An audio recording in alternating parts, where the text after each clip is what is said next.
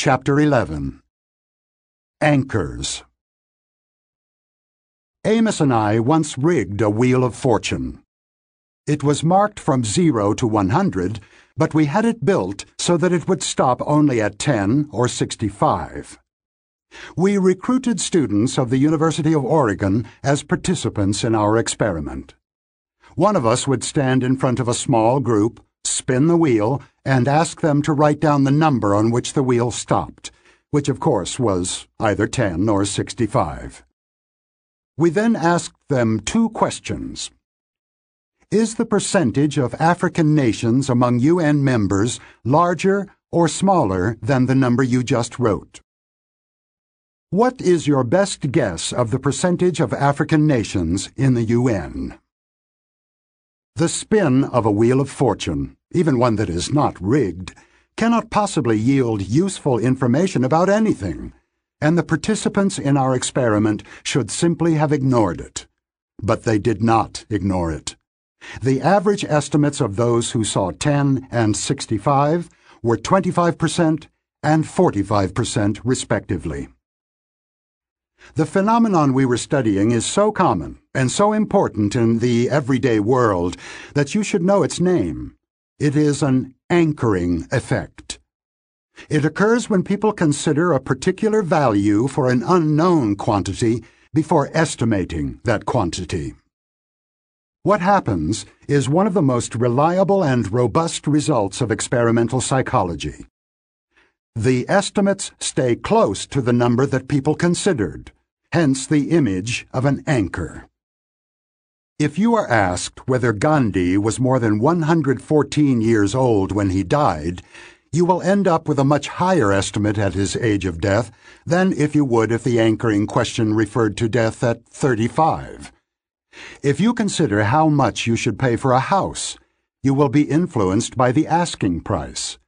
The same house will appear more valuable if its listing price is high than if it is low, even if you are determined to resist the influence of this number, and so on.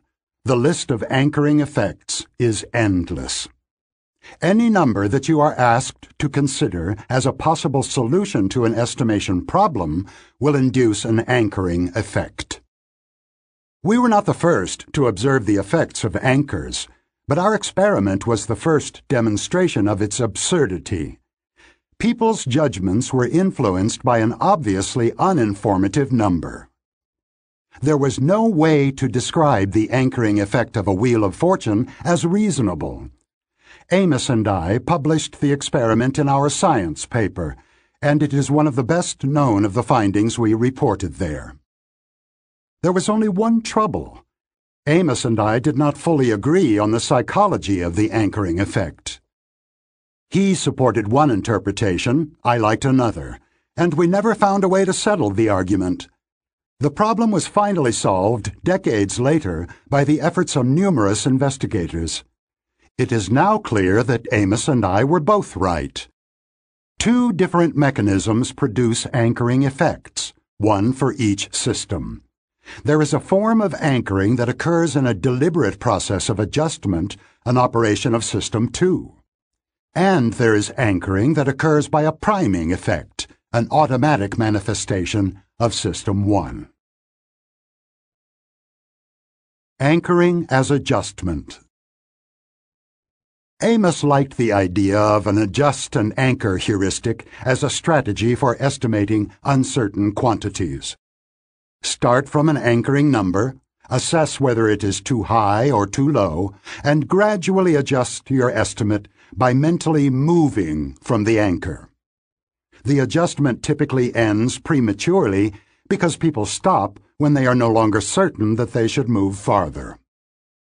Decades after our disagreement, and years after Amos's death, Convincing evidence of such a process was offered independently by two psychologists who had worked closely with Amos early in their careers, Eldar Shafir and Tom Gilovich, together with their own students, Amos's intellectual grandchildren. To get the idea, take a sheet of paper and draw a two and a half inch line going up, starting at the bottom of the page, without a ruler.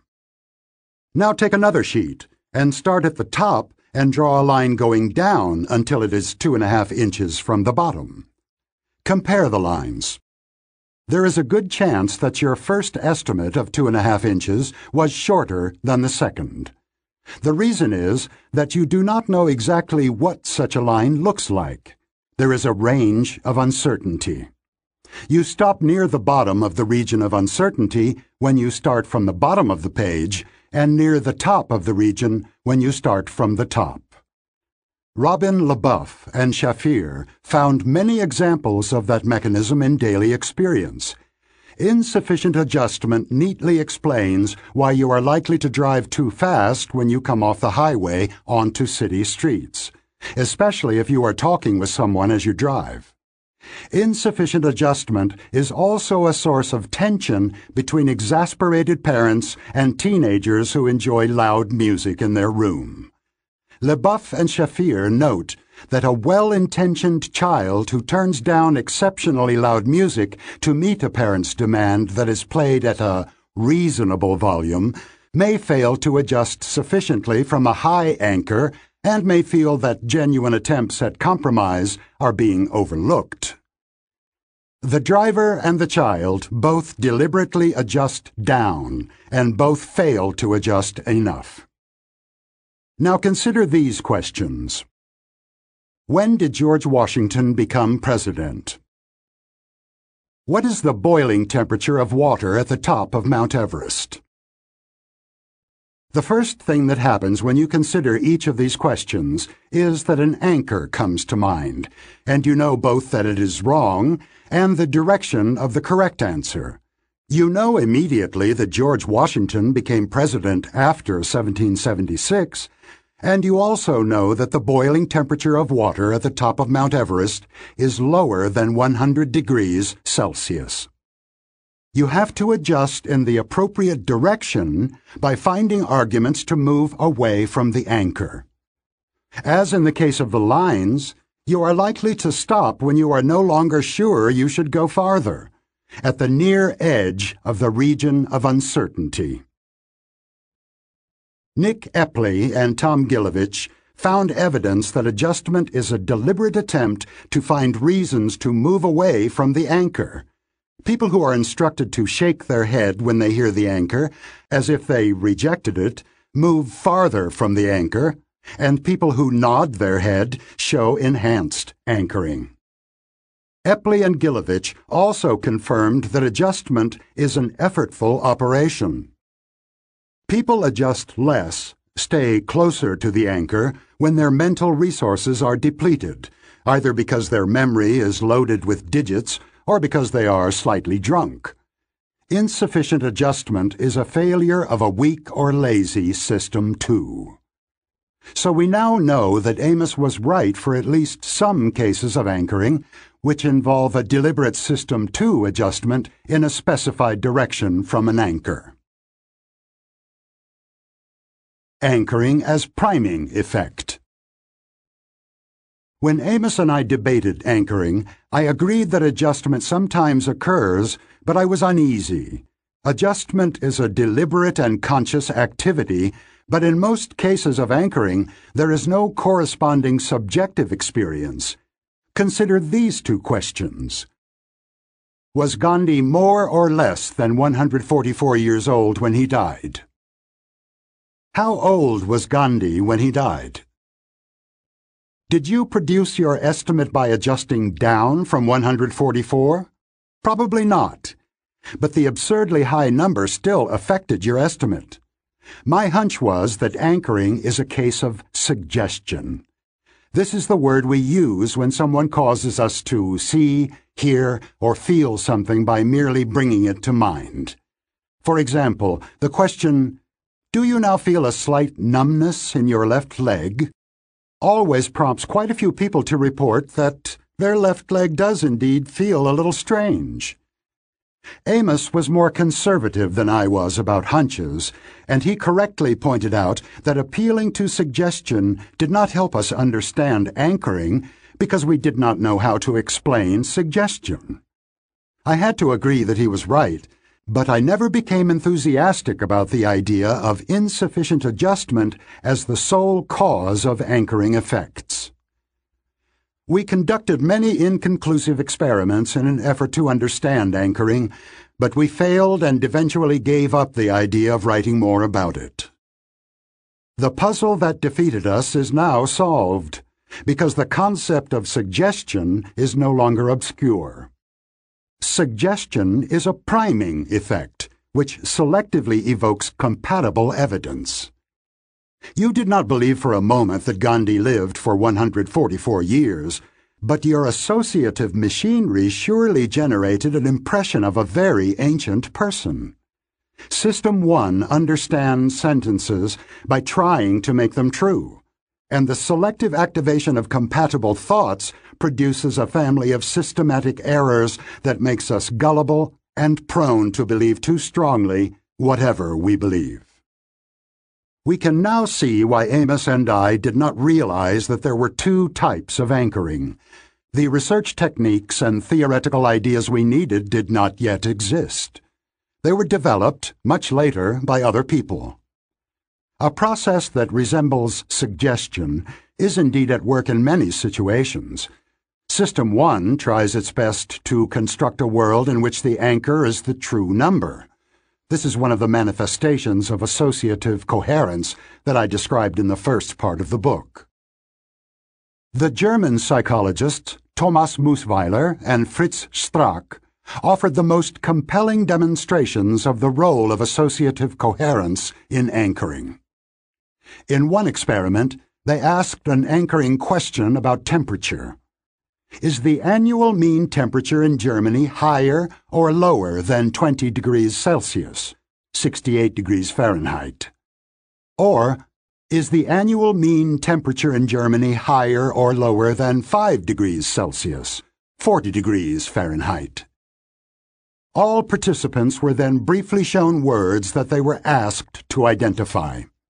The researchers found that 68 degrees Fahrenheit made it easier to recognize summer words like sun and beach, and 40 degrees Fahrenheit facilitated winter words like frost and ski.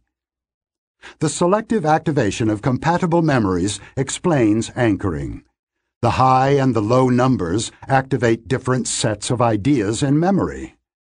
The estimates of annual temperature draw on these biased samples of ideas and are therefore biased as well. In another elegant study in the same vein, participants were asked about the average price of German cars. A high anchor selectively primed the names of luxury brands, Mercedes, Audi, whereas the low anchor primed brands associated with mass market cars, Volkswagen. We saw earlier that any prime will tend to evoke information that is compatible with it. Suggestion and anchoring are both explained by the same automatic operation of System 1. Although I did not know how to prove it at the time, my hunch about the link between anchoring and suggestion turned out to be correct. The Anchoring Index Many psychological phenomena can be demonstrated experimentally, but few can actually be measured. The effect of anchors is an exception. Anchoring can be measured, and it is an impressively large effect. Some visitors at the San Francisco Exploratorium were asked the following two questions. Is the height of the tallest redwood more or less than 1,200 feet? What is your best guess about the height of the tallest redwood? The high anchor in this experiment was 1,200 feet.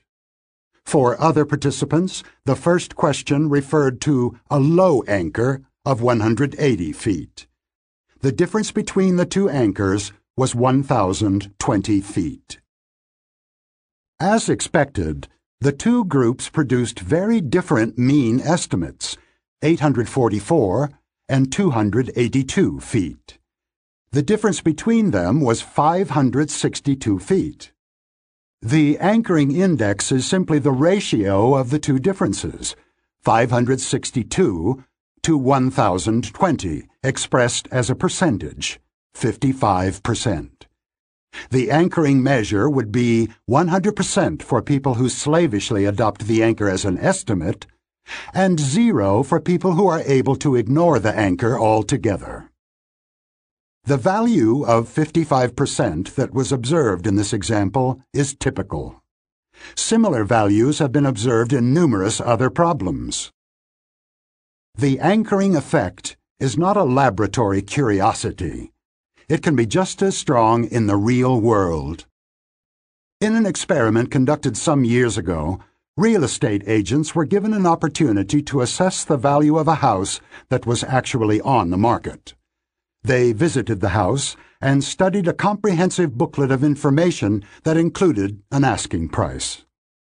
Half the agents saw an asking price that was substantially higher than the listed price of the house. The other half saw an asking price that was substantially lower. Each agent gave her opinion about a reasonable buying price for the house and the lowest price at which she would agree to sell the house if she owned it. The agents were then asked about the factors that had affected their judgment. Remarkably, the asking price was not one of these factors. The agents took pride in their ability to ignore it. They insisted that the listing price had no effect on their responses, but they were wrong the anchoring effect was 41%.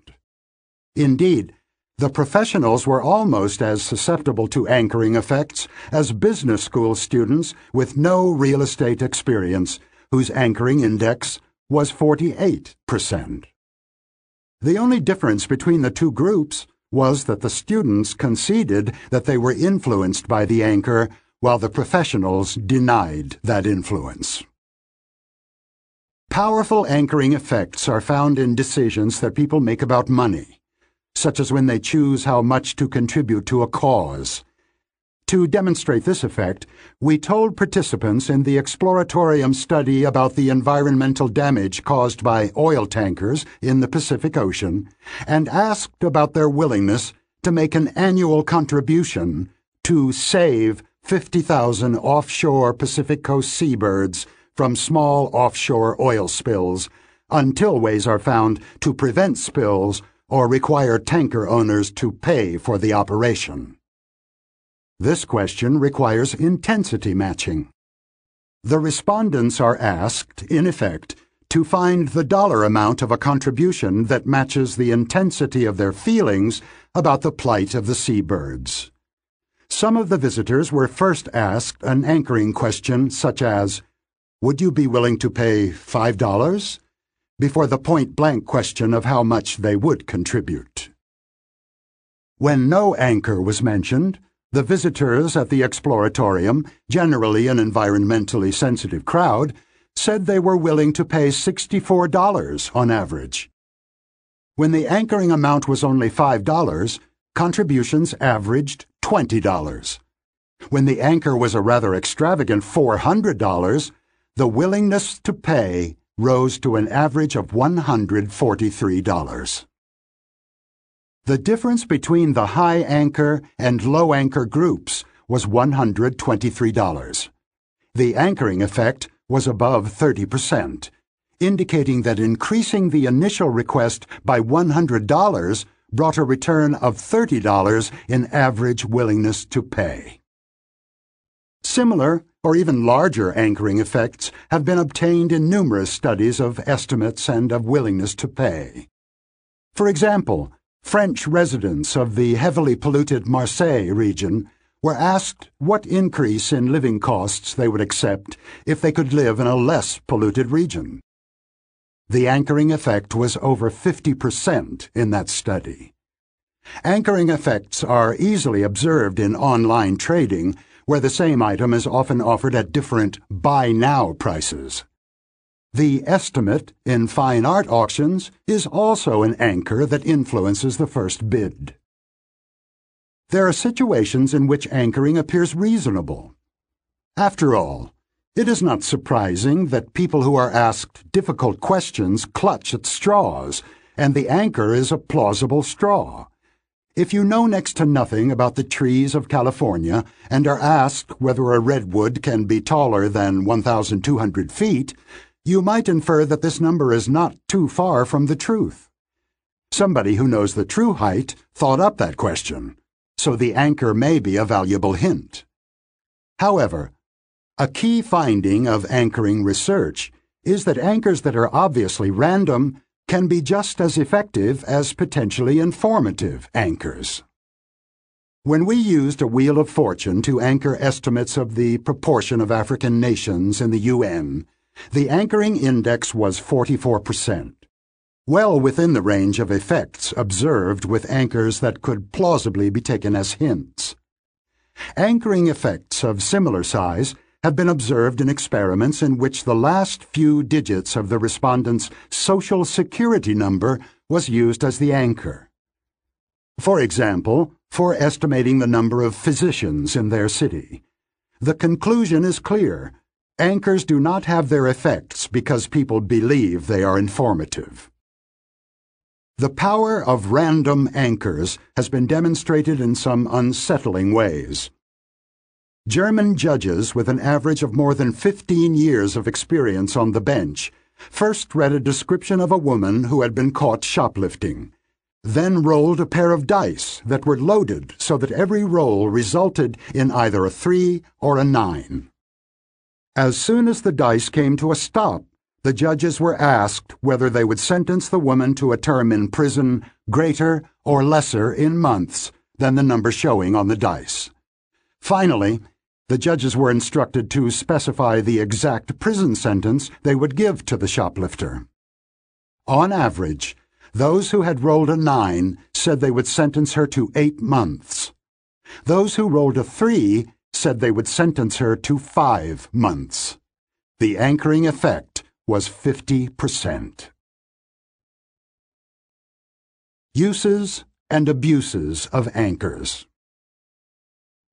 By now you should be convinced that anchoring effects, sometimes due to priming, sometimes to insufficient adjustment, are everywhere.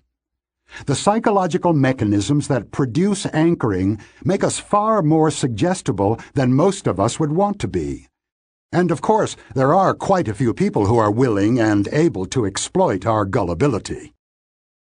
Anchoring effects explain why, for example, arbitrary rationing is an effective marketing ploy. A few years ago, supermarket shoppers in Sioux City, Iowa, encountered a sales promotion for Campbell's soup at about 10% off the regular price.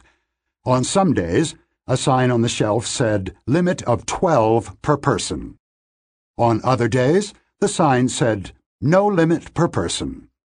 Shoppers purchased an average of seven cans when the limit was in force, twice as many as they bought when the limit was removed. Anchoring is not the sole explanation. Rationing also implies that the goods are flying off the shelves, and shoppers should feel some urgency about stocking up. But we also know that the mention of 12 cans as a possible purchase would produce anchoring even if the number were produced by a roulette wheel. We see the same strategy at work in the negotiation over the price of a home when the seller makes the first move by setting the list price. As in many other games, moving first is an advantage in single issue negotiations. For example, when price is the only issue to be settled between a buyer and a seller. As you may have experienced when negotiating for the first time in a bazaar, the initial anchor has a powerful effect. My advice to students when I taught negotiations was that if you think the other side has made an outrageous proposal, you should not come back with an equally outrageous counteroffer, creating a gap that will be difficult to bridge in further negotiations. Instead, you should make a scene, storm out or threaten to do so, and make it clear, to yourself as well as to the other side, that you will not continue the negotiation with that number on the table. The psychologists Adam Galinsky and Thomas Mussweiler proposed more subtle ways to resist the anchoring effect in negotiations. They instructed negotiators to focus their attention and search their memory for arguments against the anchor. The instruction to activate System 2 was successful. For example, the anchoring effect is reduced or eliminated when the second mover focuses his attention on the minimal offer that the opponent would accept, or on the costs to the opponent of failing to reach an agreement. In general, a strategy of deliberately thinking the opposite may be a good defense against anchoring effects, because it negates the biased recruitment of thoughts that produces these effects. Finally, try your hand at working out the effect of anchoring on a problem of public policy. The size of damages in personal injury cases. These awards are sometimes very large. Businesses that are frequent targets of such lawsuits, such as hospitals and chemical companies, have lobbied to set a cap on the awards. Before you read this chapter, you might have thought that capping awards is certainly good for potential defendants, but now you should not be so sure. Consider the effect of capping awards at $1 million. This rule would eliminate all larger awards but the anchor would also pull up the size of many awards that would otherwise be much smaller. It would almost certainly benefit serious offenders and large firms much more than small ones. Anchoring and the Two Systems The effects of random anchors have much to tell us about the relationship between System 1 and System 2. Anchoring effects have always been studied in tasks of judgment and choice that are ultimately completed by System 2. However, System 2 works on data that is retrieved from memory in an automatic and involuntary operation of System 1. System 2 is therefore susceptible to the biasing influence of anchors that make some information easier to retrieve. Furthermore, System 2 has no control over the effect and no knowledge of it. The participants who have been exposed to random or absurd anchors, such as Gandhi's death at age 144, confidently deny that this obviously useless information could have influenced their estimate. And they are wrong. We saw in the discussion of the law of small numbers that a message, unless it is immediately rejected as a lie, will have the same effect on the associative system regardless of its reliability. The gist of the message is the story, which is based on whatever information is available, even if the quantity of the information is slight and its quality is poor. What you see is all there is. When you read a story about the heroic rescue of a wounded mountain climber, its effect on your associative memory is much the same if it is a news report or the synopsis of a film. Anchoring results from this associative activation. Whether the story is true or believable matters little, if at all. The powerful effect of random anchors is an extreme case of this phenomenon because a random anchor obviously provides no information at all. Earlier, I discussed the bewildering variety of priming effects, in which your thoughts and behavior may be influenced by stimuli to which you pay no attention at all, and even by stimuli of which you are completely unaware. The main moral of priming research is that our thoughts and our behavior are influenced much more than we know or want by the environment of the moment. Many people find the priming results unbelievable because they do not correspond to subjective experience. Many others find the results upsetting because they threaten the subjective sense of agency and autonomy. If the content of a screensaver on an irrelevant computer can affect your willingness to help strangers without your being aware of it, how free are you?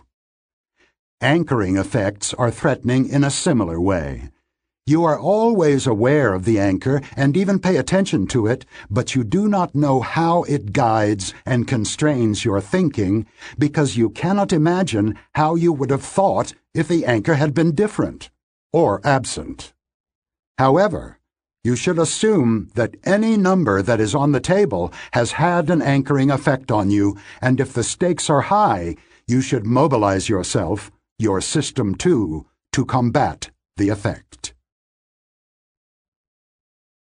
Speaking of anchors,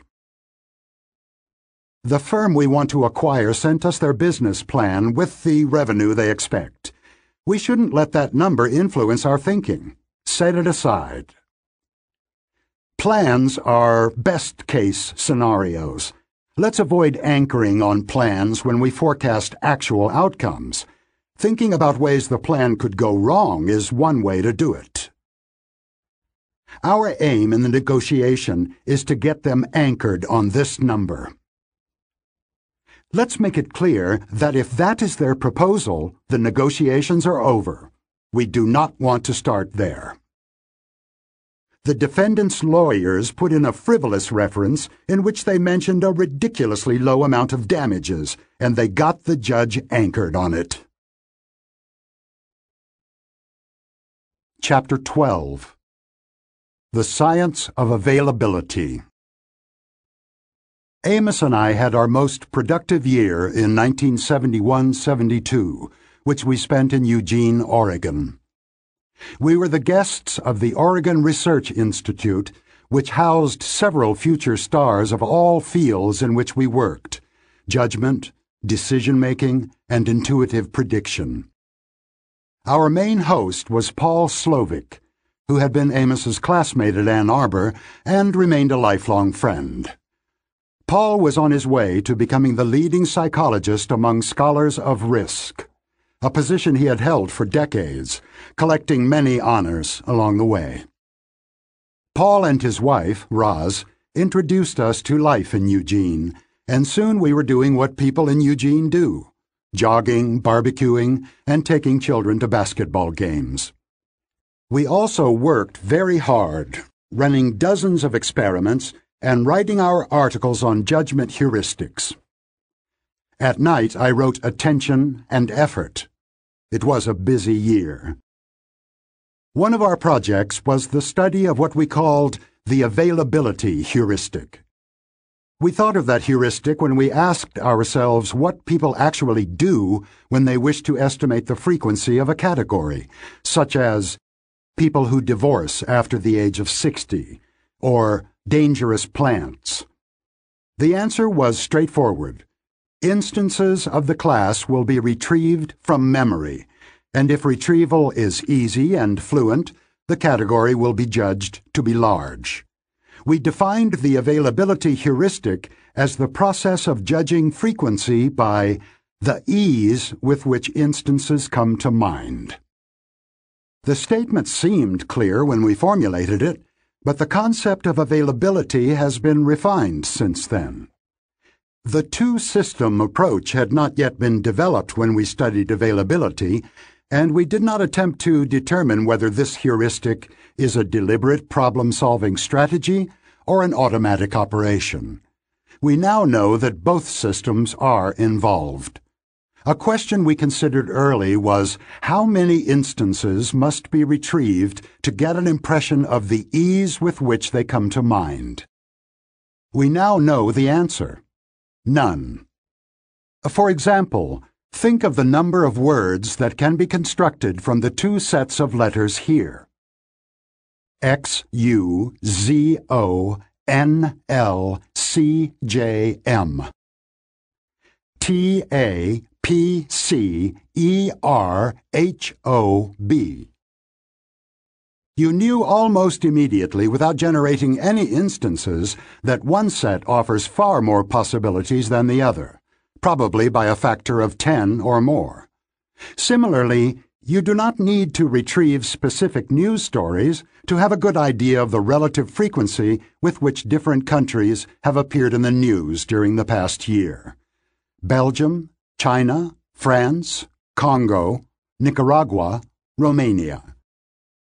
The availability heuristic, like other heuristics of judgment, substitutes one question for another. You wish to estimate the size of a category or the frequency of an event, but you report an impression of the ease with which instances come to mind. Substitution of questions inevitably produces systematic errors. You can discover how the heuristic leads to biases by following a simple procedure. List factors other than frequency that make it easy to come up with instances. Each factor in your list will be a potential source of bias. Here are some examples. A salient event that attracts your attention will be easily retrieved from memory. Divorces among Hollywood celebrities and sex scandals among politicians attract much attention, and instances will come easily to mind. You are therefore likely to exaggerate the frequency of both Hollywood divorces and political sex scandals. A dramatic event temporarily increases the availability of its category. A plane crash that attracts media coverage will temporarily alter your feelings about the safety of flying. Accidents are on your mind for a while after you see a car burning at the side of the road and the world is for a while a more dangerous place. Personal experiences, pictures, and vivid examples are more available than incidents that happened to others, or mere words, or statistics. A judicial error that affects you will undermine your faith in the justice system more than a similar incident you read about in a newspaper. Resisting this large collection of potential availability biases is possible, but tiresome. You must make the effort to reconsider your impressions and intuitions by asking such questions as Is our belief that thefts by teenagers are a major problem due to a few recent instances in our neighborhood? Or could it be that I feel no need to get a flu shot because none of my acquaintances got the flu last year? Maintaining one's vigilance against biases is a chore, but the chance to avoid a costly mistake is sometimes worth the effort. One of the best known studies of availability suggests that awareness of your own biases can contribute to peace in marriages and probably in other joint projects. In a famous study, spouses were asked, how large was your personal contribution to keeping the place tidy, in percentages? They also answered similar questions about taking out the garbage, initiating social engagements, etc. Would the self-estimated contributions add up to 100%, or more or less? As expected, the self-assessed contributions added up to more than 100%. The explanation is a simple availability bias. Both spouses remember their own individual efforts and contributions much more clearly than those of the other, and the difference in availability leads to a difference in judged frequency. The bias is not necessarily self-serving. Spouses also overestimated their contribution to causing quarrels although to a smaller extent than their contributions to more desirable outcomes. The same bias contributes to the common observation that many members of a collaborative team feel they have done more than their share and also feel that the others are not adequately grateful for their individual contributions. I am generally not optimistic about the potential for personal control of biases, but this is an exception. The opportunity for successful debiasing exists because the circumstances in which issues of credit allocation come up are easy to identify, the more so because tensions often arise when several people at once feel that their efforts are not adequately recognized. The mere observation that there is usually more than 100% credit to go around is sometimes sufficient to defuse the situation. In any event, it is a good thing for every individual to remember. You will occasionally do more than your share, but it is useful to know that you are likely to have that feeling even when each member of the team feels the same way. The Psychology of Availability A major advance in the understanding of the availability heuristic occurred in the early 1990s when a group of German psychologists, led by Norbert Schwarz, raised an intriguing question. How will people's impressions of the frequency of a category be affected by a requirement to list a specified number of instances? Imagine yourself a subject in that experiment. First, list six instances in which you behaved assertively. Next, evaluate how assertive you are. Imagine that you had been asked for 12 instances of assertive behavior, a number most people find difficult. Would your view of your own assertiveness be different? Schwarz and his colleagues observed that the task of listing instances may enhance the judgments of the trait by two different routes. The number of instances retrieved, the ease with which they come to mind. The request to list 12 instances pits the two determinants against each other. On the one hand, you have just retrieved an impressive number of cases in which you were assertive. On the other hand, while the first three or four instances of your own assertiveness probably came easily to you, you almost certainly struggled to come up with the last few to complete a set of twelve. Fluency was low. Which will count more, the amount retrieved or the ease and fluency of the retrieval? The contest yielded a clear-cut winner. People who had just listed 12 instances rated themselves as less assertive than people who had listed only six. Furthermore, participants who had been asked to list 12 cases in which they had not behaved assertively ended up thinking of themselves as quite assertive. If you cannot easily come up with instances of meek behavior, you are likely to conclude that you are not meek at all. Self ratings were dominated by the ease with which examples had come to mind. The experience of fluent retrieval of instances trumped the number retrieved. An even more direct demonstration of the role of fluency was offered by other psychologists in the same group. All the participants in their experiment listed six instances of assertive or non assertive behavior while maintaining a specified facial expression. Smilers were instructed to contract the zygomaticus muscle, which produces a light smile. Frowners were required to furrow their brow. As you already know, frowning normally accompanies cognitive strain, and the effect is symmetric. When people are instructed to frown while doing a task, they actually try harder and experience greater cognitive strain. The researchers anticipated that the frowners would have more difficulty retrieving examples of assertive behavior and would therefore rate themselves as relatively lacking in assertiveness. And so it was. Psychologists enjoyed experiments that yield paradoxical results and they have applied Schwarz's discovery with gusto.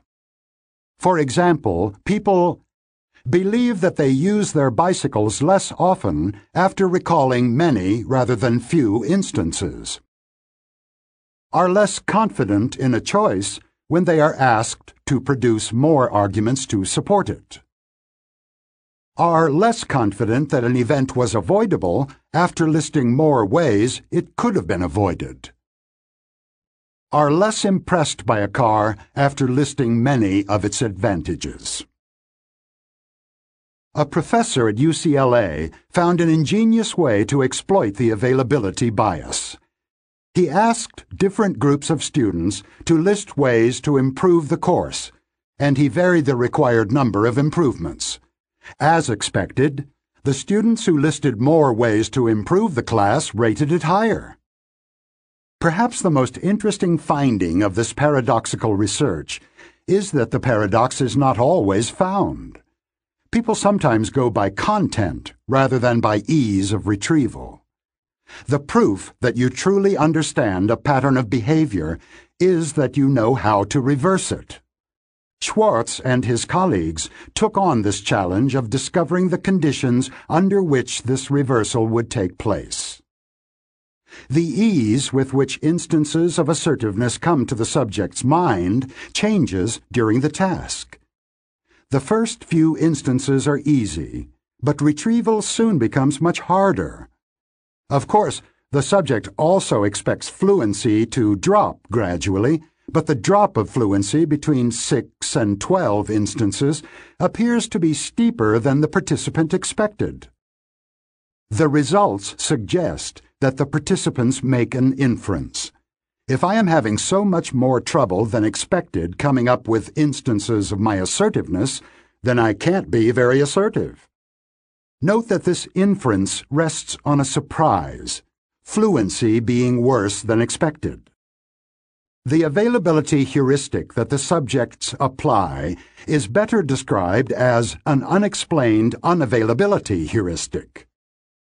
Schwarz and his colleagues reasoned that they could disrupt the heuristic by providing the subjects with an explanation for the fluency of retrieval that they experienced. They told the participants they would hear background music while recalling instances and that the music would affect performance in the memory task. Some subjects were told that the music would help. Others were told to expect diminished fluency. As predicted, participants whose experience of fluency was explained did not use it as a heuristic.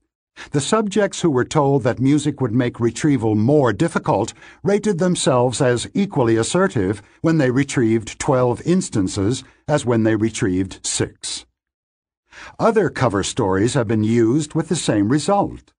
Judgments are no longer influenced by ease of retrieval when the experience of fluency is given a spurious explanation by the presence of curved or straight text boxes by the background color of the screen, or by other irrelevant factors that the experimenters dreamed up. As I have described it, the process that leads to judgment by availability appears to involve a complex chain of reasoning. The subjects have an experience of diminishing fluency as they produce instances. They evidently have expectations about the rate at which fluency decreases and those expectations are wrong. The difficulty of coming up with new instances increases more rapidly than they expect. It is the unexpectedly low fluency that causes people who were asked for 12 instances to describe themselves as unassertive. When the surprise is eliminated, low fluency no longer influences the judgment. The process appears to consist of a sophisticated set of inferences. Is the automatic system 1 capable of it? The answer is that in fact no complex reasoning is needed. Among the basic features of System 1 is its ability to set expectations and to be surprised when these expectations are violated. The system also retrieves possible causes of a surprise usually by finding a possible cause among recent surprises. Furthermore, System 2 can reset the expectations of System 1 on the fly, so that an event that would normally be surprising is now almost normal. Suppose you are told that the three-year-old boy who lives next door frequently wears a top hat in his stroller. You will be far less surprised when you actually see him with his top hat than you would have been without the warning. In Schwarz's experiment, the background music has been mentioned as a possible cause of retrieval problems. The difficulty of retrieving 12 instances is no longer a surprise and therefore is less likely to be evoked by the task of judging assertiveness.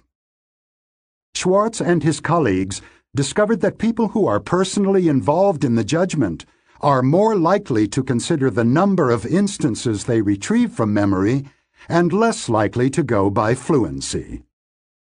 they recruited two groups of students for a study of risks to cardiac health. Half the students had a family history of cardiac disease and were expected to take the task more seriously than the others, who had no such history. All were asked to recall either three or eight behaviors in their routine that could affect their cardiac health. Some were asked for risky behaviors, others for protective behaviors. Students with no family history of heart disease were casual about the task and followed the availability heuristic. Students who found it difficult to find eight instances of risky behavior felt themselves relatively safe. And those who struggled to retrieve examples of safe behaviors felt themselves at risk. The students with a family history of heart disease showed the opposite pattern. They felt safer when they retrieved many instances of safe behavior and felt greater danger when they retrieved many instances of risky behavior. They were also more likely to feel that their future behavior would be affected by the experience of evaluating their risk. The conclusion is that the ease with which instances come to mind is a System 1 heuristic, which is replaced by a focus on content when System 2 is more engaged.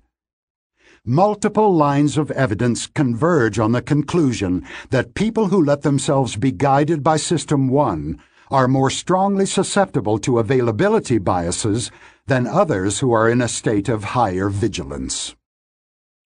The following are some conditions in which people go with the flow and are affected more strongly by ease of retrieval than by the content they retrieved.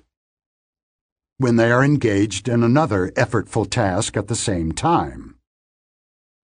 When they are in a good mood because they just thought of a happy episode in their life. If they score low on a depression scale. If they are knowledgeable novices on the topic of the task, in contrast to true experts. When they score high on a scale of faith in intuition. If they are, or are made to feel, powerful. I find the last finding particularly intriguing. The authors introduce their article with a famous quote. I don't spend a lot of time taking polls around the world to tell me what I think is the right way to act. I've just got to know how I feel. George W. Bush, November 2002. They go on to show that reliance on intuition is only in part a personality trait. Merely reminding people of a time when they had power increases their apparent trust in their own intuition. Speaking of availability. Because of the coincidence of two planes crashing last month, she now prefers to take the train. That's silly. The risk hasn't really changed. It is an availability bias. He underestimates the risks of indoor pollution because there are few media stories on them. That's an availability effect. He should look at the statistics. She has been watching too many spy movies recently, so she's seeing conspiracies everywhere. The CEO has had several successes in a row, so failure doesn't come easily to her mind. The availability bias is making her overconfident. Chapter 13 Availability, Emotion, and Risk Students of risk were quick to see that the idea of availability was relevant to their concerns. Even before our work was published, the economist, Howard Kunreuther, who was then in the early stages of a career that he has devoted to the study of risk and insurance, noticed that availability effects help explain the pattern of insurance purchase and protective action after disasters. Victims and near victims are very concerned after a disaster. After each significant earthquake, Californians are for a while diligent in purchasing insurance and adopting measures of protection and mitigation. They tie down their boiler to reduce quake damage, seal their basement doors against floods, and maintain emergency supplies in good order. However, the memories of the disaster dim over time, and so do worry and diligence. The dynamics of memory help explain the recurrent cycles of disaster, concern, and growing complacency that are familiar to students of large-scale emergencies.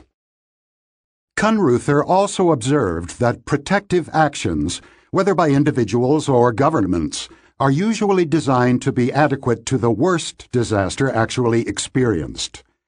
As long ago as Pharaonic Egypt, societies have tracked the high water mark of rivers that periodically flood and have always prepared accordingly, apparently assuming that floods will not rise higher than the existing high water mark. Images of a worse disaster do not come easily to mind. Availability and Affect The most influential studies of availability biases were carried out by our friends in Eugene, where Paul Slovic and his longtime collaborator Sarah Lichtenstein were joined by our former student Baruch Fischhoff. They carried out groundbreaking research on public perceptions of risks, including a survey that has become the standard example of an availability bias. They asked participants in their survey to consider pairs of causes of death diabetes and asthma, or stroke and accidents. For each pair, the subjects indicated the more frequent cause and estimated the ratio of the two frequencies. The judgments were compared to health statistics of the time. Here's a sample of their findings. Strokes cause almost twice as many deaths as all accidents combined, but 80% of respondents judged accidental death to be more likely. Tornadoes were seen as more frequent killers than asthma, although the latter caused 20 times more deaths. Death by lightning was judged less likely than death from botulism, even though it is 52 times more frequent. Death by disease is 18 times as likely as accidental death, but the two were judged about equally likely.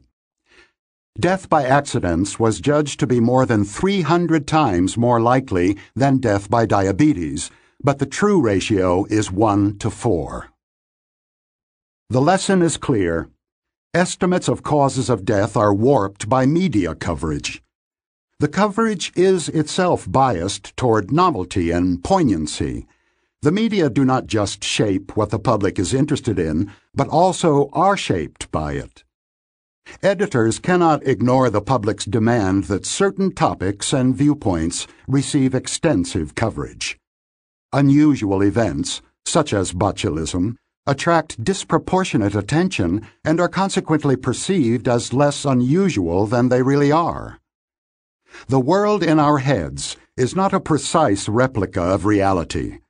Our expectations about the frequency of events are distorted by the prevalence and emotional intensity of the messages to which we are exposed. The estimates of causes of death are an almost direct representation of the activation of ideas in associative memory and are a good example of substitution. But Slovic and his colleagues were led to a deeper insight. They saw that the ease with which ideas of various risks come to mind and the emotional reactions to these risks are inextricably linked. Frightening thoughts and images occur to us with particular ease, and thoughts of danger that are fluent and vivid exacerbate fear. As mentioned earlier, Slovic eventually developed the notion of an affect heuristic, in which people make judgments and decisions by consulting their emotions. Do I like it? Do I hate it? How strongly do I feel about it? In many domains of life, Slovic said, people form opinions and make choices that directly express their feelings and their basic tendency to approach or avoid, often without knowing that they are doing so. The affect heuristic is an instance of substitution, in which the answer to an easy question, how do I feel about it, serves as an answer to a much harder question. What do I think about it? Slovic and his colleagues related their views to the work of the neuroscientist Antonio Damasio, who had proposed that people's emotional evaluations of outcomes and the bodily states and the approach and avoidance tendencies associated with them all play a central role in guiding decision making. Damasio and his colleagues have observed that people who do not display the appropriate emotions before they decide, sometimes because of brain damage, also have an impaired ability to make good decisions. An inability to be guided by a healthy fear of bad consequences is a disastrous flaw. In a compelling demonstration of the workings of the affect heuristic, Slovic's research team surveyed opinions about various technologies including water fluoridation, chemical plants, food preservatives, and cars, and asked their respondents to list both the benefits and the risks of each technology. They observed an implausibly high negative correlation between two estimates that their respondents made the level of benefit and the level of risk that they attributed to the technologies. When people were favorably disposed toward a technology, they rated it as offering large benefits and imposing little risk. When they disliked a technology, they could think only of its disadvantages and few advantages came to mind.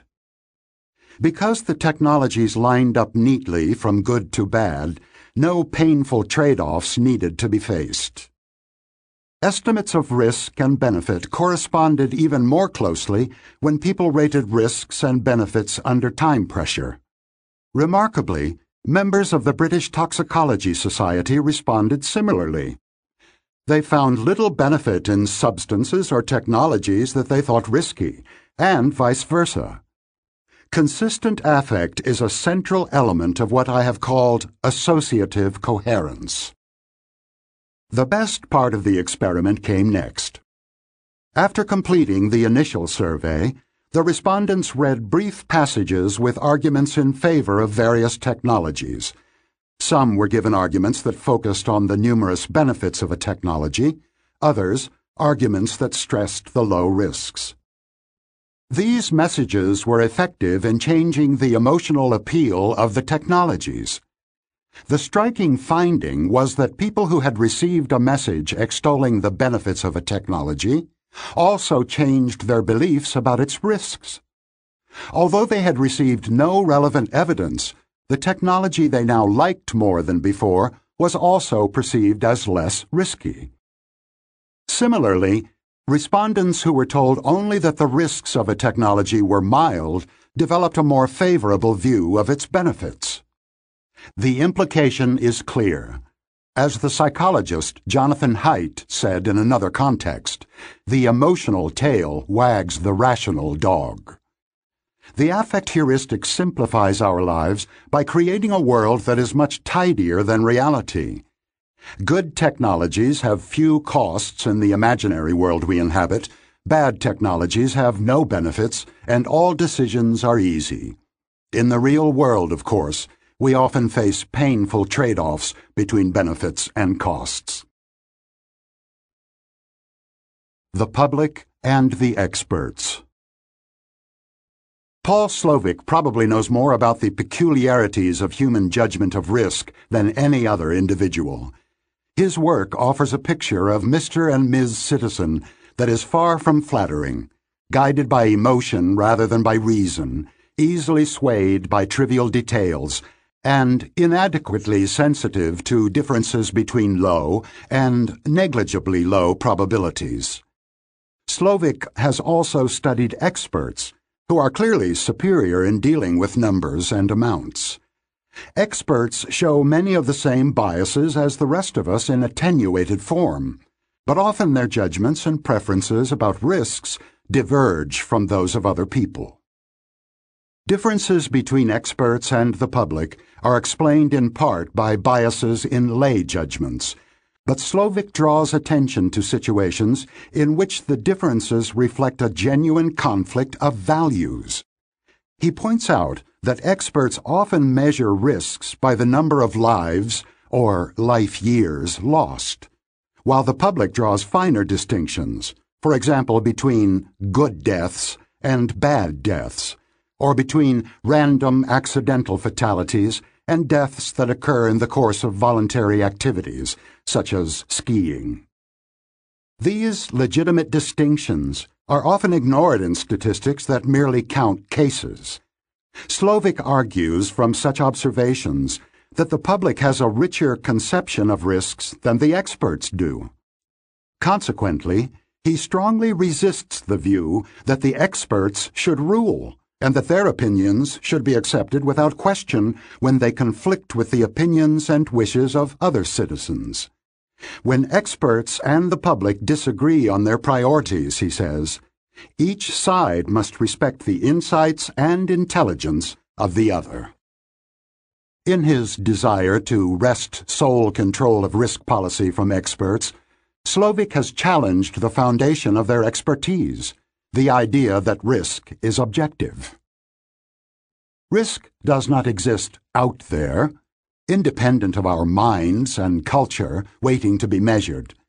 Human beings have invented the concept of risk to help them understand and cope with the dangers and uncertainties of life. Although these dangers are real, there is no such thing as real risk or objective risk.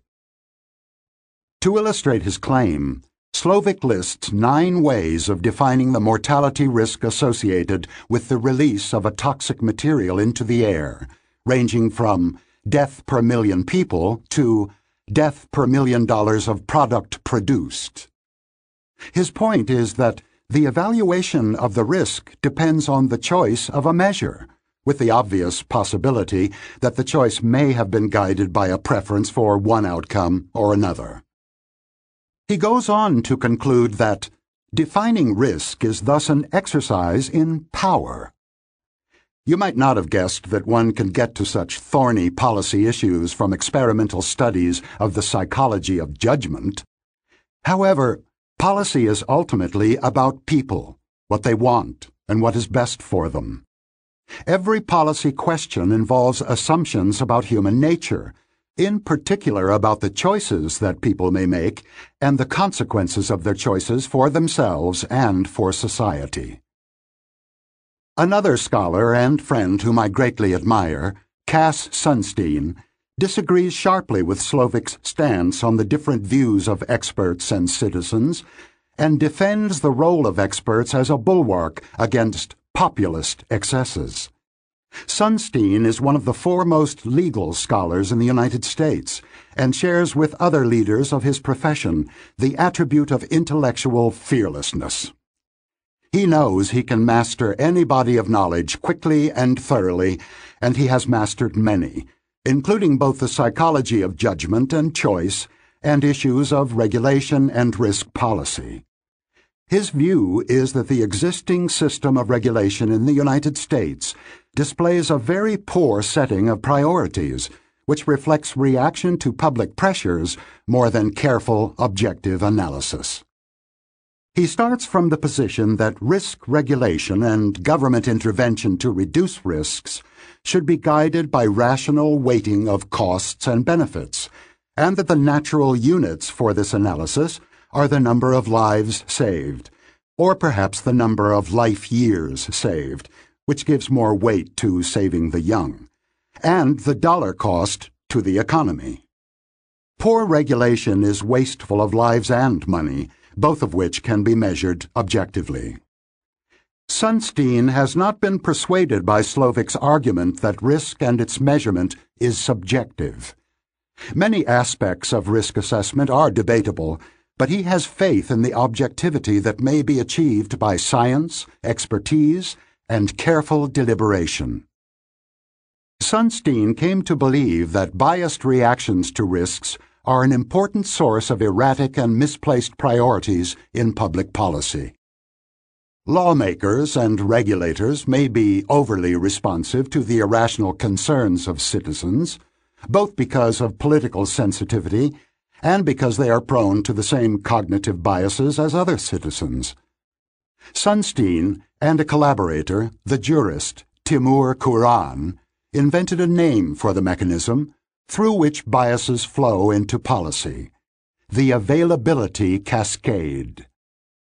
They comment that in the social context, all heuristics are equal, but availability is more equal than the others. They have in mind an expanded notion of the heuristic in which availability provides a heuristic for judgments other than frequency. In particular, the importance of an idea is often judged by the fluency and emotional charge with which that idea comes to mind. An availability cascade is a self-sustaining chain of events which may start from media reports of a relatively minor event and lead up to public panic and large-scale government action. On some occasions, a media story about a risk catches the attention of a segment of the public which becomes aroused and worried. This emotional reaction becomes a story in itself, prompting additional coverage in the media, which in turn produces greater concern and involvement. The cycle is sometimes sped along deliberately by availability entrepreneurs, individuals or organizations who work to ensure a continuous flow of worrying news. The danger is increasingly exaggerated as the media compete for attention-grabbing headlines. Scientists and others who try to dampen the increasing fear and revulsion attract little attention, most of it hostile.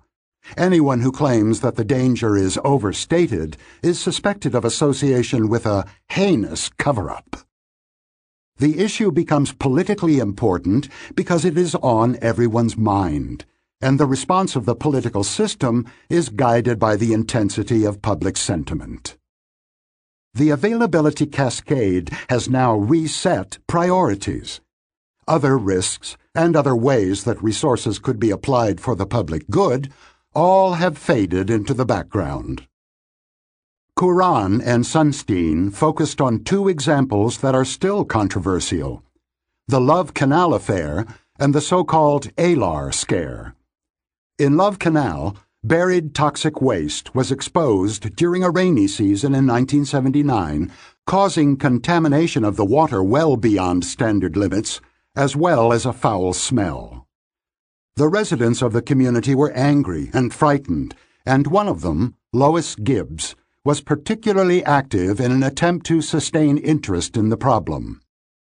The availability cascade unfolded according to the standard script. At its peak, there were daily stories about Love Canal. Scientists attempting to claim that the dangers were overstated were ignored or shouted down. ABC News aired a program titled The Killing Ground, and empty baby-sized coffins were paraded in front of the legislature. A large number of residents were relocated at government expense, and the control of toxic waste became the major environmental issue of the 1980s. The legislation that mandated the cleanup of toxic sites, called CERCLA, CERCLA, established a superfund and is considered a significant achievement of environmental legislation. It was also expensive, and some have claimed that the same amount of money could have saved many more lives if it had been directed to other priorities. Opinions about what actually happened at Love Canal are still sharply divided, and claims of actual damage to health appear not to have been substantiated. Kuran and Sunstein wrote up the Love Canal story almost as a pseudo event, while on the other side of the debate, environmentalists still speak of the Love Canal disaster. Opinions are also divided on the second example Kuran and Sunstein used to illustrate their concept of an availability cascade, the Alar incident, known to detractors of environmental concerns as the Alar scare of 1989. Alar is a chemical that was sprayed on apples to regulate their growth and improve their appearance. The scare began with press stories that the chemical, when consumed in gigantic doses, caused cancerous tumors in rats and mice. The stories understandably frightened the public, and those fears encouraged more media coverage, the basic mechanism of an availability cascade. The topic dominated the news and produced dramatic media events such as the testimony of the actress Meryl Streep before Congress. The Apple industry sustained large losses as apples and Apple products became objects of fear. Kuran and Sunstein quote a citizen who called in to ask whether it was safer to pour apple juice down the drain or to take it to a toxic waste dump. The manufacturer withdrew the product and the FDA banned it. Subsequent research confirmed that the substance might pose a very small risk as a possible carcinogen but the Alar incident was certainly an enormous overreaction to a minor problem. The net effect of the incident on public health was probably detrimental because fewer good apples were consumed. The Alar tale illustrates a basic limitation in the ability of our mind to deal with small risks. We either ignore them altogether or give them far too much weight. Nothing in between. Every parent who has stayed up waiting for a teenage daughter who is late from a party will recognize the feeling. You may know that there is really almost nothing to worry about, but you cannot help images of disaster from coming to mind. As Slovic has argued, the amount of concern is not adequately sensitive to the probability of harm. You are imagining the numerator, the tragic story you saw on the news and not thinking about the denominator. Sunstein has coined the phrase probability neglect to describe the pattern. The combination of probability neglect with the social mechanisms of availability cascades inevitably leads to gross exaggerations of minor threats, sometimes with important consequences. In today's world, Terrorists are the most significant practitioners of the art of inducing availability cascades. With a few horrible exceptions, such as 9 11, the number of casualties from terror attacks is very small relative to other causes of death. Even in countries that have been targets of intensive terror campaigns, such as Israel, the weekly number of casualties almost never came close to the number of traffic deaths. The difference is in the availability of the two risks, the ease and the frequency with which they come to mind. Gruesome images, endlessly repeated in the media, cause everyone to be on edge. As I know from experience, it is difficult to reason oneself into a state of complete calm. Terrorism speaks directly to System 1. Where do I come down in the debate between my friends? Availability cascades are real, and they undoubtedly distort priorities in the allocation of public resources. Cass Sunstein would seek mechanisms that insulate decision makers from public pressures, letting the allocation of resources be determined by impartial experts who have a broad view of all risks and of the resources available to reduce them. Paul Slovic trusts the experts much less, and the public somewhat more than Sunstein does, and he points out that insulating the experts from the emotions of the public produces policies that the public will reject, an impossible situation in a democracy. Both are eminently sensible, and I agree with both. I share Sunstein's discomfort with the influence of irrational fears and availability cascades on public policy in the domain of risk. However, I also share Slovic's belief that widespread fears, even if they are unreasonable, should not be ignored by policymakers. Rational or not, fear is painful and debilitating, and policymakers must endeavor to protect the public from fear not only from real dangers. Slovic rightly stresses the resistance of the public to the idea of decisions being made by unelected and unaccountable experts. Furthermore, Availability cascades may have a long-term benefit by calling attention to classes of risks and by increasing the overall size of the risk reduction budget. The Love Canal incident may have caused excessive resources to be allocated to the management of toxic waste, but it also had a more general effect in raising the priority level of environmental concerns. Democracy is inevitably messy in part because the availability and affect heuristics that guide citizens' beliefs and attitudes are inevitably biased, even if they generally point in the right direction. Psychology should inform the design of risk policies that combine the expert's knowledge with the public's emotions and intuitions. Speaking of availability cascades,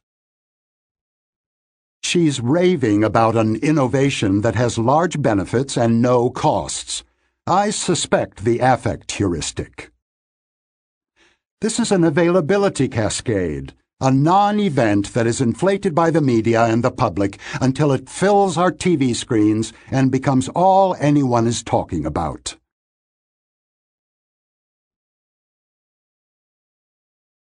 Chapter 14 Tom W.'s Specialty.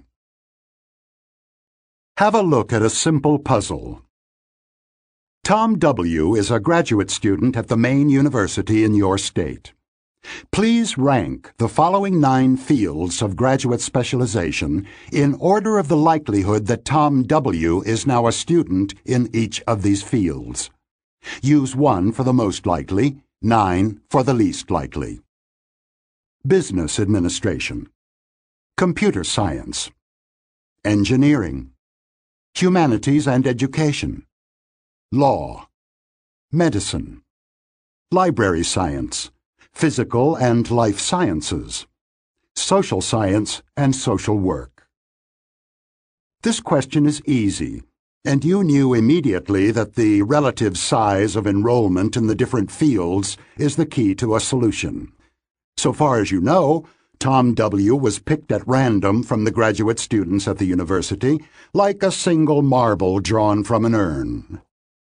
To decide whether a marble is more likely to be red or green, you need to know how many marbles of each color there are in the urn. The proportion of marbles of a particular kind is called a base rate. Similarly, the base rate of humanities and education in this problem is the proportion of students of that field among all the graduate students.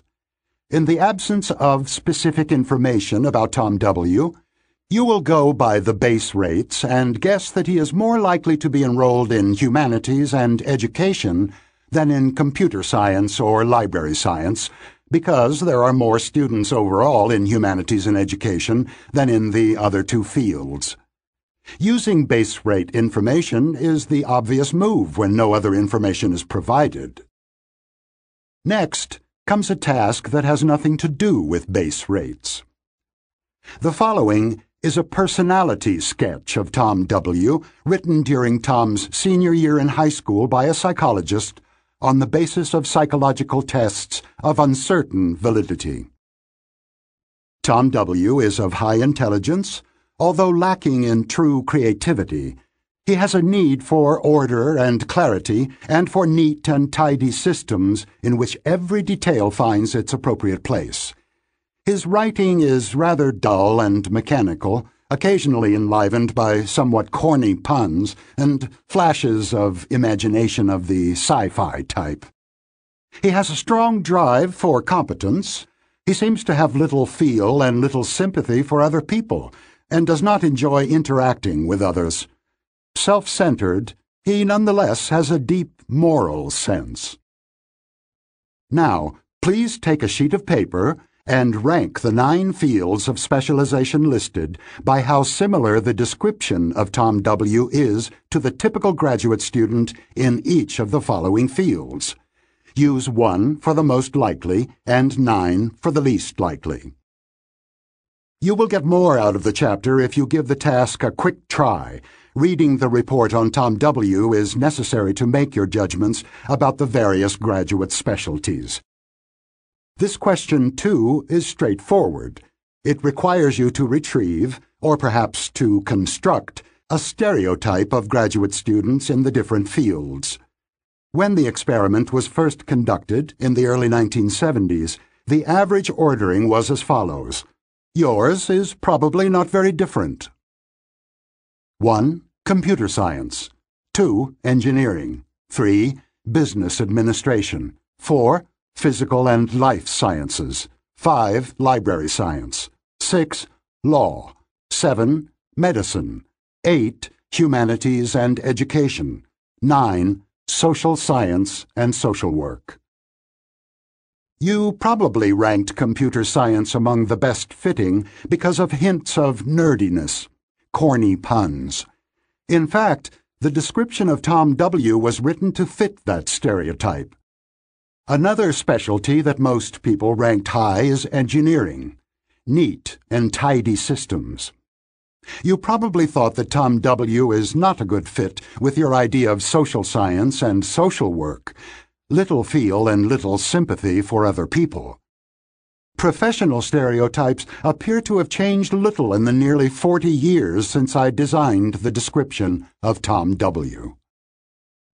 The task of ranking the nine careers is complex and certainly requires the discipline and sequential organization of which only System 2 is capable. However, the hints planted in the description, corny puns and others, were intended to activate an association with a stereotype, an automatic activity of System 1. The instructions for this similarity task required a comparison of the description of Tom W. to the stereotypes of the various fields of specialization. For the purposes of that task, the accuracy of the description, whether or not it is a true portrait of Tom W., is irrelevant so is your knowledge of the base rates of the various fields. The similarity of an individual to the stereotype of a group is unaffected by the size of the group. Indeed, you could compare the description of Tom to an image of graduate students in library science, even if there is no such department at the university. If you examine Tom W. again, you will see that he is a good fit to stereotypes of some small groups of students computer scientists, librarians, engineers, and a much poorer fit to the largest groups humanities and education, social science, and social work. Indeed, the participants almost always ranked the two largest fields very low. Tom W. was intentionally designed as an anti-base rate character, a good fit to small fields and a poor fit to the most populated specialties. Predicting by representativeness. The third task in the sequence was administered to graduate students in psychology, and it is the critical one. Rank the fields of specialization in order of the likelihood that Tom W. is now a graduate student in each of these fields. This third group had all the data at hand, including the base rates of the different fields and the description of Tom W., as well as the statement about the dubious provenance of the description. We anticipated that people would focus entirely on the degree of similarity to the stereotype we call it representativeness.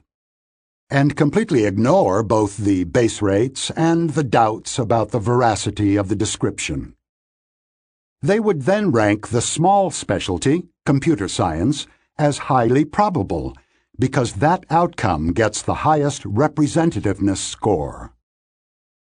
Amos and I worked hard during the year we spent in Eugene, and I sometimes stayed in the office through the night one of my tasks for such a night was to make up a description that would pit representativeness and base rates against each other. Tom W. was the result of my efforts, and I completed the description in the early morning hours. The first person who showed up to work that morning was our colleague and friend, Robin Dawes, who was both a sophisticated statistician and a skeptic about the validity of intuitive judgment. If anyone would see the relevance of the base rate, it would have to be Robin. I called Robin over, gave him the question I had just typed, and asked him to guess Tom W.'s profession. I still remember his sly smile as he said tentatively, Computer scientist? That was a happy moment. Even the mighty had fallen. Of course, Robin immediately recognized his mistake as soon as I mentioned base rate, but he had not spontaneously thought of it. Although he knew as much as anyone about the role of base rates in prediction, he neglected them when presented with a description of an individual's personality. As expected, he substituted a judgment of representativeness for the probability he was asked to assess. Amos and I then collected answers to the same question from 114 graduate students in psychology at three major universities, all of whom had taken several courses in statistics. They did not disappoint us. Their rankings of the nine fields by probability did not differ from ratings by similarity to the stereotype. Substitution was perfect in this case. There was no indication that the participants did anything else but judge representativeness. The question about probability, likelihood, was difficult, but the question about similarity was easier, and it was answered instead. This is a serious mistake, because judgments of similarity and probability are not constrained by the same logical rules. It is entirely acceptable for judgments of similarity to be unaffected by base rates, and also by the possibility that the description was inaccurate, but anyone who ignores base rates and the quality of evidence in probability assessments will certainly make mistakes. The concept, the probability that Tom W. studies computer science, is not a simple one. Logicians and statisticians disagree about its meaning, and some would say it has no meaning at all. For many experts, it is a measure of subjective degree of belief. There are some events you are sure of, for example, that the sun rose this morning, and others you consider impossible, such as the Pacific Ocean freezing all at once.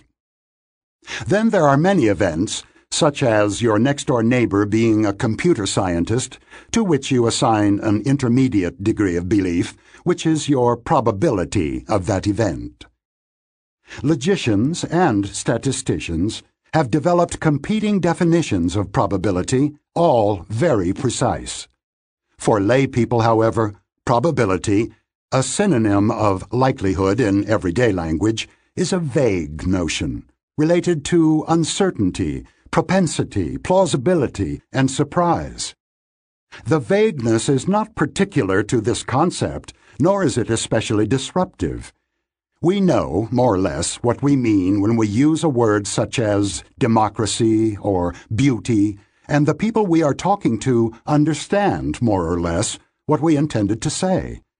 In all the years I spent asking questions about the probability of events, no one ever raised a hand to ask me, uh, sir, what do you mean by probability? As they would have done if I had asked them to assess a strange concept such as globability. Everyone acted as if they knew how to answer my questions, although we all understood that it would be unfair to ask them for an explanation of what the word means. People who are asked to assess probability are not stumped because they do not try to judge probability as statisticians and philosophers use the word. A question about probability or likelihood activates a mental shotgun, evoking answers to easier questions. Representativeness is a basic assessment, which is part of the routine operations of understanding language. The false statement that Elvis Presley's parents wanted him to be a dentist is mildly funny because the discrepancy between the images of Presley and a dentist is detected automatically. System 1 generates an impression of similarity without intending to do so. The representativeness heuristic is involved when someone says, She will win the election. You can see she is a winner. Or, He won't go far as an academic. Too many tattoos. We rely on representativeness when we judge the potential leadership of a candidate for office by the shape of his chin or the forcefulness of his speeches. Although it is common, prediction by representativeness is not statistically optimal. Michael Lewis's best-selling Moneyball is a story about the inefficiency of this mode of prediction. Professional baseball scouts traditionally forecast the success of possible players in part by their build and look. The hero of Lewis's book is Billy Beane, the manager of the Oakland A's, who made the unpopular decision to overrule his scouts and to select players by the statistics of past performance. The players the A's picked were inexpensive because other teams had rejected them for not looking the part. The team soon achieved excellent results at low cost. The Sins of Representativeness Judging probability by representativeness has important virtues. The intuitive impressions that it produces are often, indeed usually, more accurate than chance guesses would be. On most occasions, people who act friendly are, in fact, friendly. A professional athlete who is very tall and thin is much more likely to play basketball than football. People with a PhD are more likely to subscribe to the New York Times than people who ended their education after high school. Young men are more likely than elderly women to drive aggressively. In all these cases, and in many others, there is some truth to the stereotypes that govern judgments of representativeness, and predictions that follow this heuristic may be accurate. In other situations, the stereotypes are false, and the representativeness heuristic will mislead, especially if it causes people to neglect base rate information that points in another direction. Even when the heuristic has some validity, exclusive reliance on it is associated with grave sins against statistical logic. One sin of representativeness is an excessive willingness to predict the occurrence of unlikely, low base rate events. Here is an example. You see a person reading the New York Times on the New York subway. Which of the following is a better bet about the reading stranger? She has a PhD. She does not have a college degree. Representativeness would tell you to bet on the PhD, but this is not necessarily wise. You should seriously consider the second alternative because many more non-graduates than PhDs ride in New York subways. And if you must guess whether a woman who is described as a shy poetry lover studies Chinese literature or business administration, you should opt for the latter option. Even if every female student of Chinese literature is shy and loves poetry, it is almost certain that there are more bashful poetry lovers in the much larger population of business students. People without training in statistics are quite capable of using base rates in predictions under some conditions. In the first version of the Tom W. problem, which has no information about him, it is obvious to everyone that the probability of Tom W's being in a particular field is simply the base rate frequency of enrollment in that field. However, concern for base rates evidently disappears as soon as Tom W's personality is described. Amos and I originally believed, on the basis of our early evidence, that base rate information will always be neglected when information about the specific instance is available. But that conclusion was too strong. Psychologists have conducted many experiments in which base rate information is explicitly provided as part of the problem, and many of the participants are influenced by those base rates, although the information about the individual case is almost always weighted more than mere statistics. Norbert Schwarz and his colleagues showed that instructing people to think like statisticians enhanced the use of base rate information, while the instruction to think like a clinician had the opposite effect. An experiment that was conducted a few years ago with Harvard undergraduates yielded a finding that surprised me. Enhanced activation of System 2 caused a significant improvement of performance in the Tom W. problem. The experiment combined the old problem with a modern variation of cognitive fluency. Half the students were told to puff out their cheeks during the task, while the others were told to frown. Frowning, as we have seen, generally increases the vigilance of System 2 and reduces both overconfidence and the reliance on intuition. The students who puffed out their cheeks, an emotionally neutral expression, replicated the original results. They relied exclusively on representativeness and ignored the base rates. As the authors had predicted, however, the frowners did show some sensitivity to the base rates. This is an instructive finding. When an incorrect intuitive judgment is made, System 1 and System 2 should both be indicted. System 1 suggested the incorrect intuition, and System 2 endorsed it and expressed it in a judgment. However, there are two possible reasons for the failure of System 2 ignorance or laziness.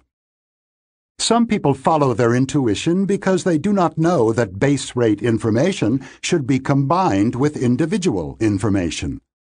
Others do so because they do not try sufficiently hard. If frowning makes a difference, laziness seems to be the proper explanation of base rate neglect, at least among Harvard undergrads. Their system, too, knows that base rates are relevant, even when they are not explicitly mentioned, but applies that knowledge only when it invests special effort in the task. The second sin of representativeness is insensitivity to the quality of evidence. Recall the rule of System 1. What you see is all there is. In the Tom W. example, what activates your associative machinery is a description of Tom, which may or may not be an accurate portrait.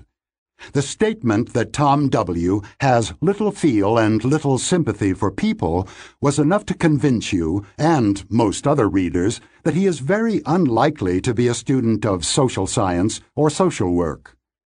But you were explicitly told that the description should not be trusted. You surely understand in principle that worthless information should not be treated differently from a complete lack of information, but what you see as all there is makes it very difficult to apply that principle. Unless you decide immediately to reject evidence, for example by determining that you received it from a liar, your System 1 will automatically process the information available as if it were true. There is one thing you can do when you have doubts about the quality of the evidence. Let your judgments of probability stay close to the base rate. Don't expect this exercise of discipline to be easy. It requires a significant effort of self-monitoring and self-control. The correct answer to the Tom W. puzzle is that you should stay very close to your prior beliefs, slightly reducing the initially high probabilities of well-populated fields humanities and education, social science and social work, and slightly raising the low probabilities of rare specialties, library science, computer science. You are not exactly where you would be if you had known nothing at all about Tom W., but the little evidence you have is not trustworthy, so the base rates should dominate your estimates. How to discipline intuition. Your probability that it will rain tomorrow is your subjective degree of belief, but you should not let yourself automatically believe anything you like. To be useful, your beliefs should be constrained by the logic of probability. So if you believe that there is a 40% chance that it will rain sometime tomorrow, you must also believe that there is a 60% chance it will not rain tomorrow, and you must not believe that there is a 50% chance that it will rain tomorrow morning. And if you believe that there is a 30% chance that candidate X will be elected president, and an 80% chance that he will be re-elected if he wins the first time, then you must believe that the chances that he will be elected twice in a row are 24%. The relative rules for cases such as the Tom W. problem are provided by Bayesian statistics. This influential modern approach to statistics is named after an English minister of the 18th century, the Reverend Thomas Bayes, who is credited with the first major contribution to a large problem, the logic of how people should change their mind in the light of evidence. Bayes's rule specifies how prior beliefs, in the examples of this chapter base rates, should be combined with the diagnosticity of the evidence, the degree to which it favors the hypothesis over the alternative. For example, if you believe that 3% of graduate students are enrolled in computer science, the base rate, and you also believe that the description of Tom W. is four times more likely for a graduate student in that field than in other fields, then Bayes's rule says you must believe that the probability that Tom W. is a computer scientist is now 11%. If the base rate had been 80%, the new degree of belief would be 94.1%, and so on. The mathematical details are not relevant in this book. There are two ideas to keep in mind about Bayesian reasoning and how we tend to mess it up. The first is that base rates matter, even in the presence of evidence about the case at hand. This is often not intuitively obvious. The second is that intuitive impressions of the diagnosticity of evidence are often exaggerated. The combination of what you see is all there is and associative coherence tends to make us believe in the stories we spin for ourselves. The essential keys to disciplined Bayesian reasoning can be simply summarized. Anchor your judgment of the probability of an outcome on a plausible base rate. Question the diagnosticity of your evidence. Both ideas are straightforward. It came as a shock to me when I realized that I was never taught how to implement them, and that even now I find it unnatural to do so. Speaking of representativeness. The lawn is well trimmed, the receptionist looks competent, and the furniture is attractive, but this doesn't mean it is a well managed company. I hope the board does not go by representativeness. This startup looks as if it could not fail, but the base rate of success in the industry is extremely low. How much solid evidence is there? They keep making the same mistake predicting rare events from weak evidence. When the evidence is weak, one should stick with the base rates. I know this report is absolutely damning, and it may be based on solid evidence. But how sure are we? We must allow for that uncertainty in our thinking. Chapter 15 Linda Less is More the best known and most controversial of our experiments involved a fictitious lady called Linda.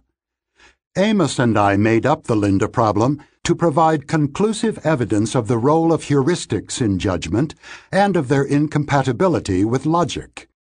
This is how we described Linda. Linda is 31 years old, single, outspoken, and very bright.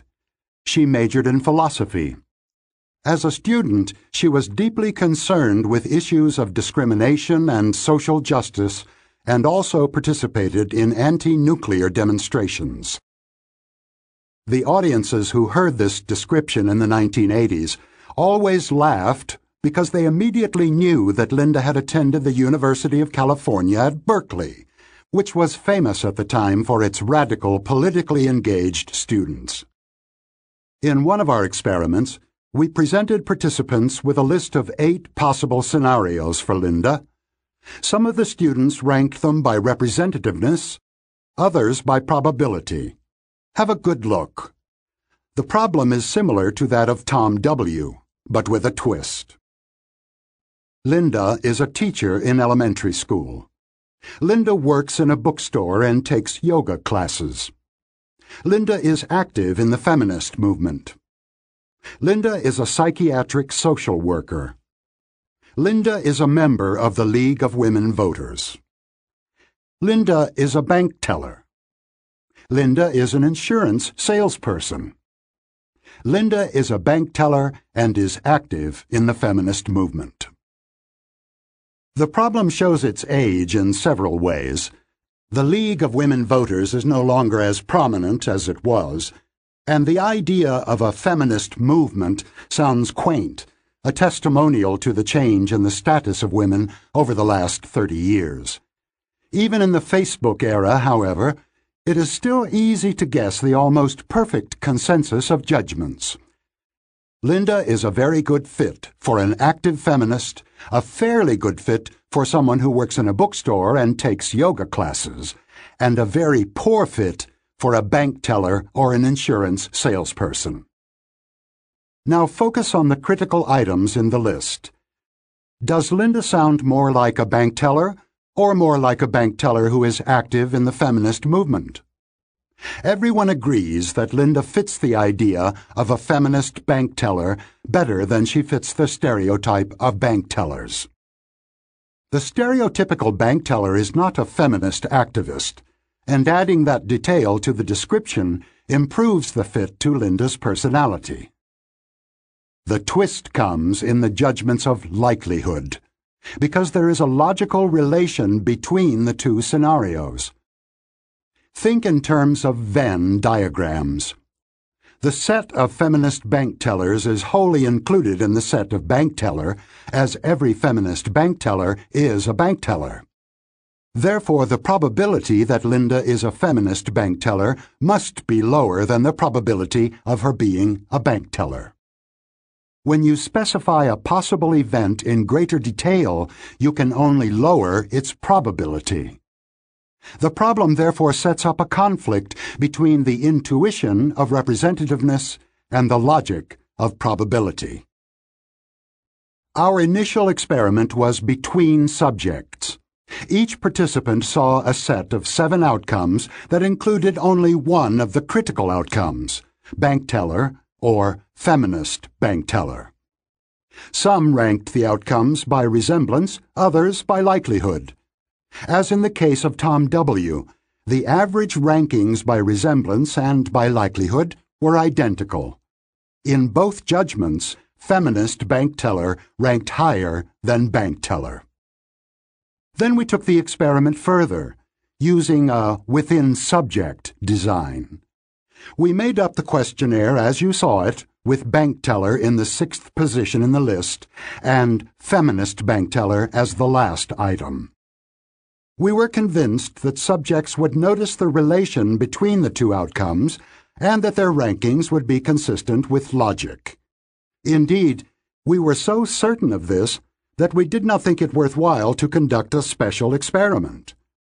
My assistant was running another experiment in the lab, and she asked the subjects to complete the new Linda questionnaire while signing out, just before they got paid. About ten questionnaires had accumulated in a tray on my assistant's desk before I casually glanced at them and found that all the subjects had ranked feminist bank teller as more probable than bank teller. I was so surprised that I still retain a flashbulb memory of the gray color of the metal desk and of where everyone was when I made that discovery. I quickly called Amos in great excitement to tell him what we had found we had pitted logic against representativeness, and the representativeness had won. In the language of this book, we had observed a failure of System 2. Our participants had a fair opportunity to detect the relevance of the logical rule, since both outcomes were included in the same ranking. They did not take advantage of that opportunity. When we extended the experiment, we found that 89% of the undergraduates in our sample produced rankings that violated logic we were convinced that statistically sophisticated respondents would do better, so we administered the same questionnaire to doctoral students in the Decision Science program of the Stanford Graduate School of Business, all of whom had taken several advanced courses in probability, statistics, and decision theory. We were surprised again 85% of these respondents also ranked feminist bank teller as more likely than bank teller. In what we later described as increasingly desperate attempts to eliminate the error, we introduced large groups of people to Linda and asked them this simple question. Which alternative is more probable? Linda is a bank teller. Linda is a bank teller and is active in the feminist movement. This stark version of the problem made Linda famous in some circles, and it earned us years of controversy. About 85% to 90% of undergraduates at several major universities chose the second option, contrary to logic. Remarkably, the sinners against logic seemed to have no shame. When I asked my large undergraduate class in some indignation, Do you realize that you have violated an elementary logical rule? Someone in the back row shouted, So what? And a graduate student who made the same error explained herself by saying, I thought you just asked for my opinion. The word fallacy is used, in general, when people fail to apply a logical rule that is obviously relevant. Amos and I introduced the idea of conjunction fallacy, which people commit when they judge a conjunction of two events, here bank teller and feminist, to be more probable than one of the events, bank teller, in a direct comparison. We found only one group that was relatively immune to the fallacy when presented with a short version of the Linda problem graduate students in the social sciences at Stanford and at Berkeley. Only 36% of them committed the error when the two critical options were compared directly. In the original experiment with eight outcomes, 85% of graduate students with the same background had made the same mistake. The difference is instructive.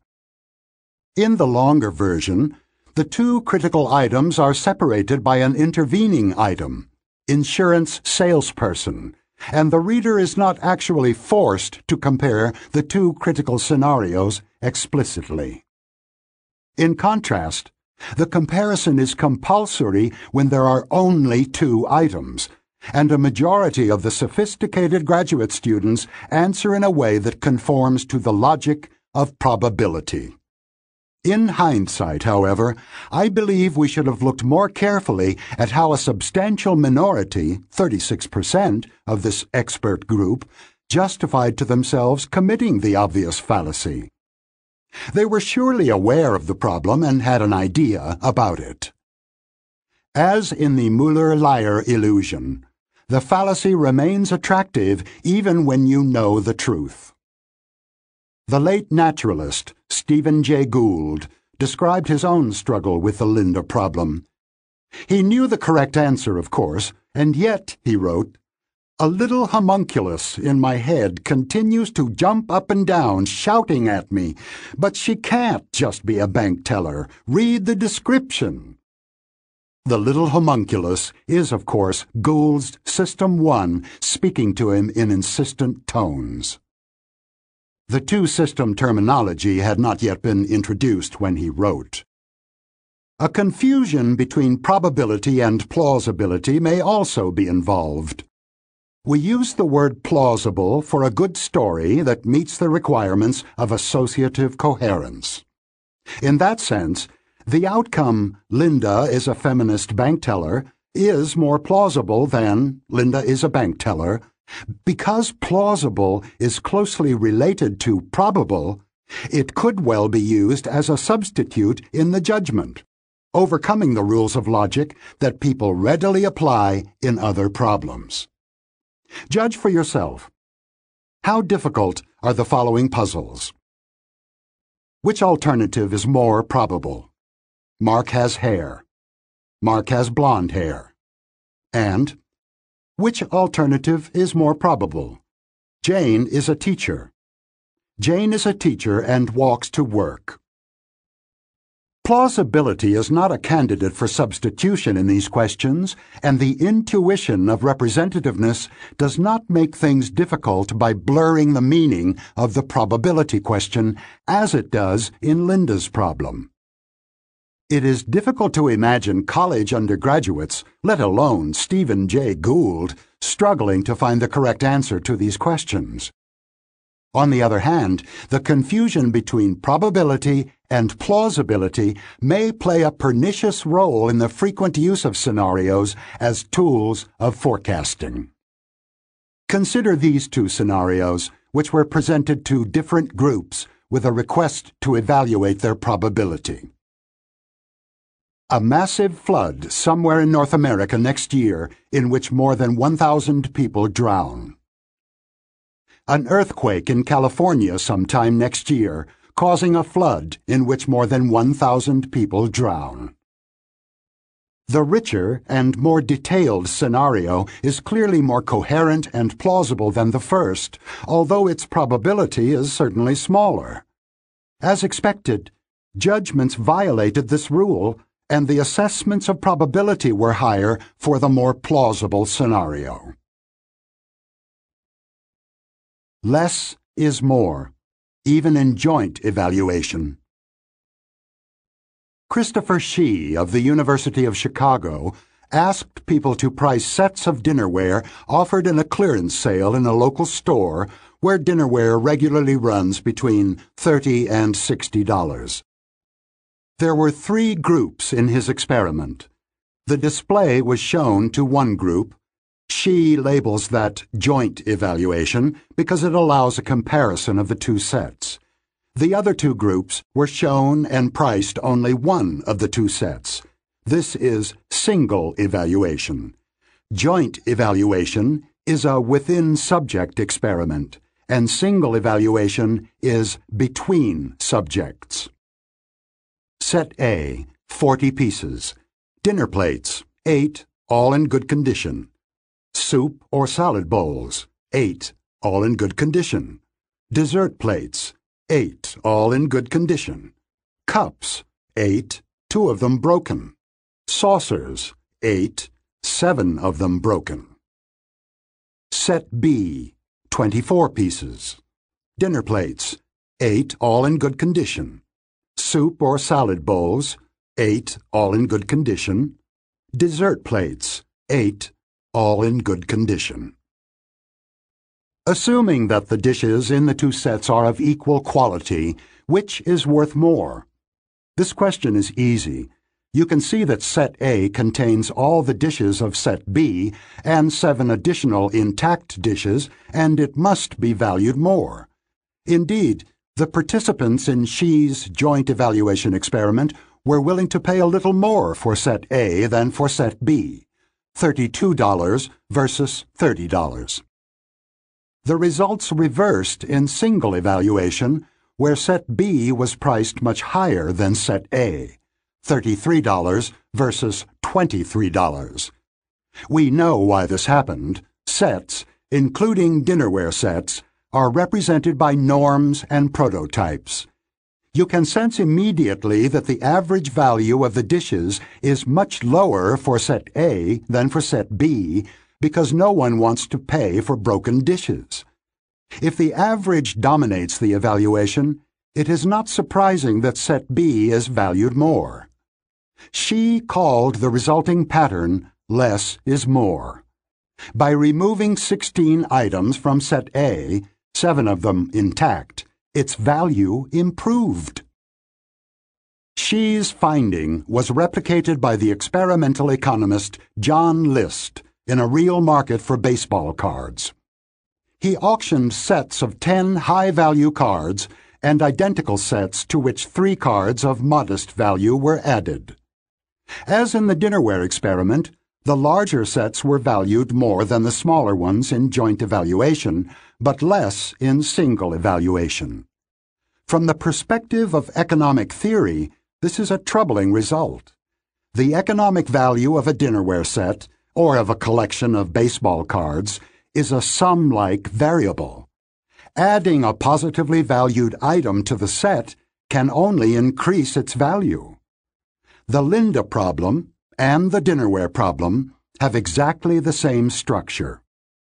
Probability, like economic value, is a sum-like variable, which is why the following equation is true. Probability. Linda is a teller equals probability Linda is feminist teller plus probability Linda is non-feminist teller. This is also why, as in Hsee's dinnerware study, single evaluations of the Linda problem produce a less is more pattern. System 1 mishandles the sum-like variable, and when the non-feminist bank tellers are removed from the set, its subjective probability increases. The critical difference between the studies is that the opportunity to compare the two options in joint evaluation eliminated the error in Hsee's experiment, but did not do so in the Linda experiment. Linda was not alone. We spent many months designing experiments and found similar violations of logic in many other judgments. Participants in one of these studies were asked to rank four possible outcomes of the next Wimbledon tournament from most to least probable. Bjorn Borg was the dominant tennis player of the day when the study was conducted. These were the outcomes. A. Borg will win the match. B. Borg will lose the first set. C. Borg will lose the first set but win the match. D. Borg will win the first set but lose the match. The critical items are B and C. B is the more inclusive event, and its probability must be higher than that of an event it includes. Contrary to logic, but not to representativeness, 72% assigned B a lower probability than C, another instance of less is more in a direct comparison. Here again, the scenario that was judged more probable was unquestionably more plausible, a better fit with all that was known about the best tennis player in the world. To head off the possible objection that the conjunction fallacy is due to a misinterpretation of the question, we constructed a problem that required probability judgments, but in which the events were not described in words, and the term probability did not appear at all. We told participants about a regular six-sided die with four green faces and two red faces, which would be rolled 20 times. They were shown three sequences of greens, G, and reds, R, and were asked to choose one. They would hypothetically win $25 if their chosen sequence showed up. The sequences were 1. RG RRR 2. GR GRRR 3. GRRRRR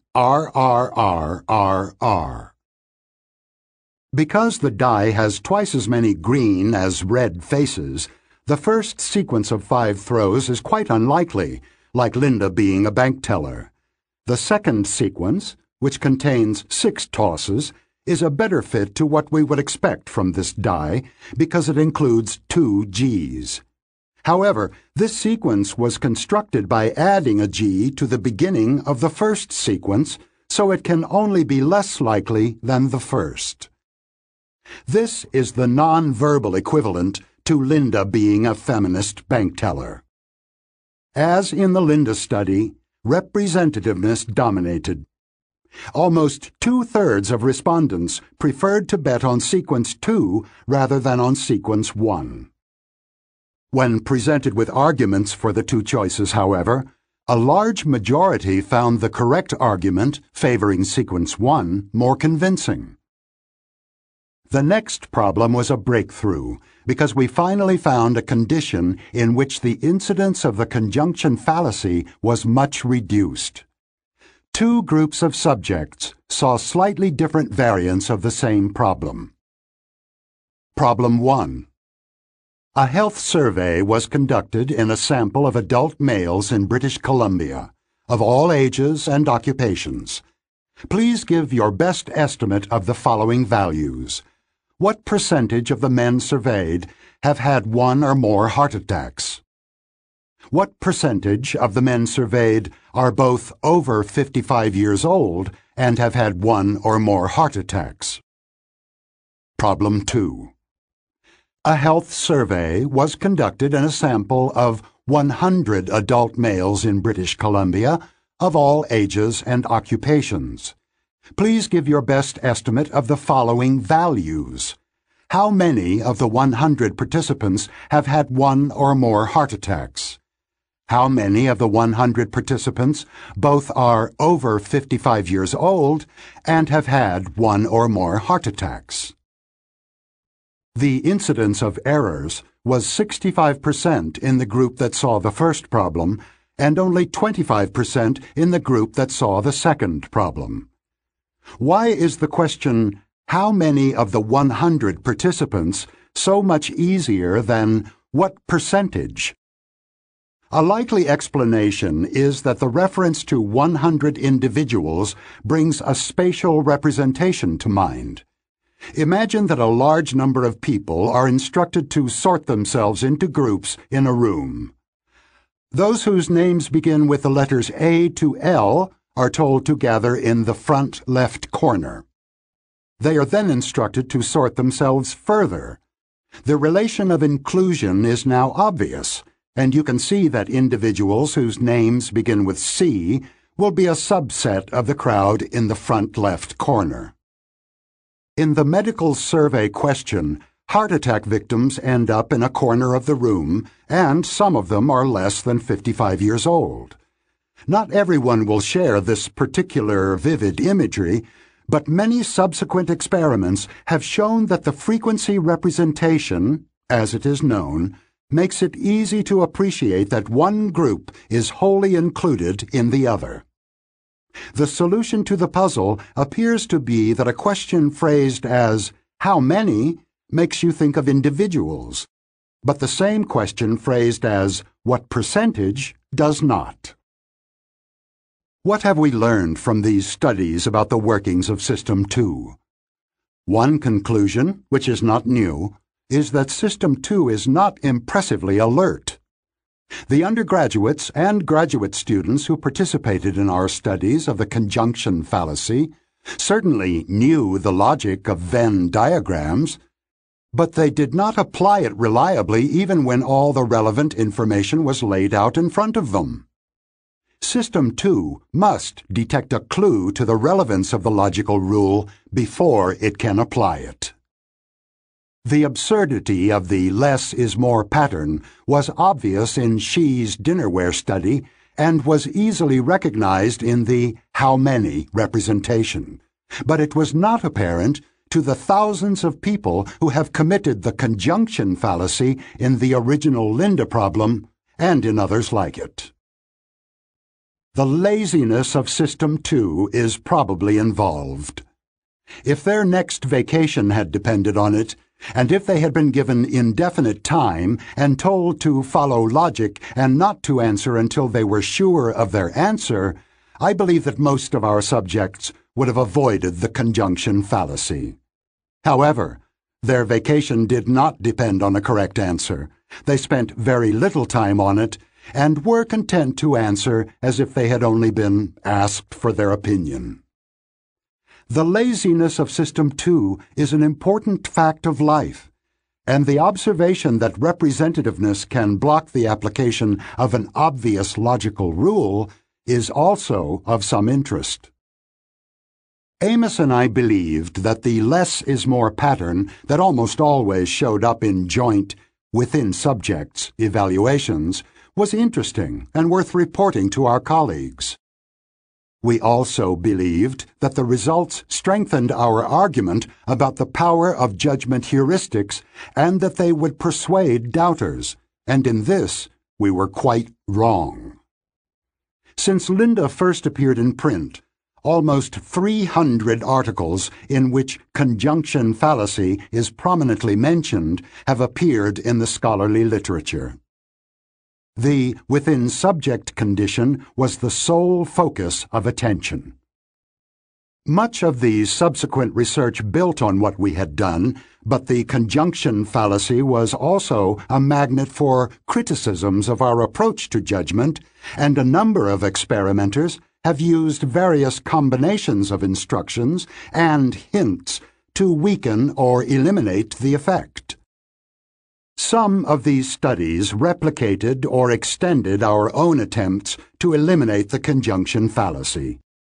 No one has challenged the validity of the results in the single evaluation condition, which we considered the critical evidence for heuristics, but the salience of this evidence has been diminished by the intense focus on the conjunction fallacy.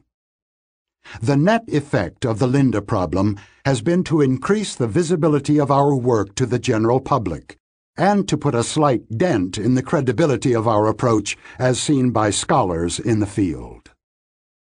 We had not anticipated that Linda would be the focus of controversy, but in hindsight, it is unsurprising. It was, of course, entirely legitimate for critics to question the robustness of the conjunction fallacy we had reported. Given the almost ideological nature of the debate, it was also natural that critics would argue that their success in weakening the fallacy discredited our whole approach, with its emphasis on errors of judgment. It was equally natural that we would find the argument utterly unconvincing, and that we would point out that the strongest evidence for our position had not been addressed. This is how intractable debates are born and develop, even in the sciences.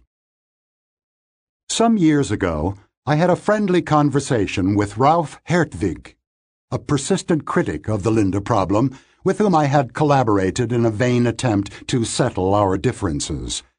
I asked him why he and others had chosen to focus exclusively on the conjunction fallacy without addressing other findings that supported our position.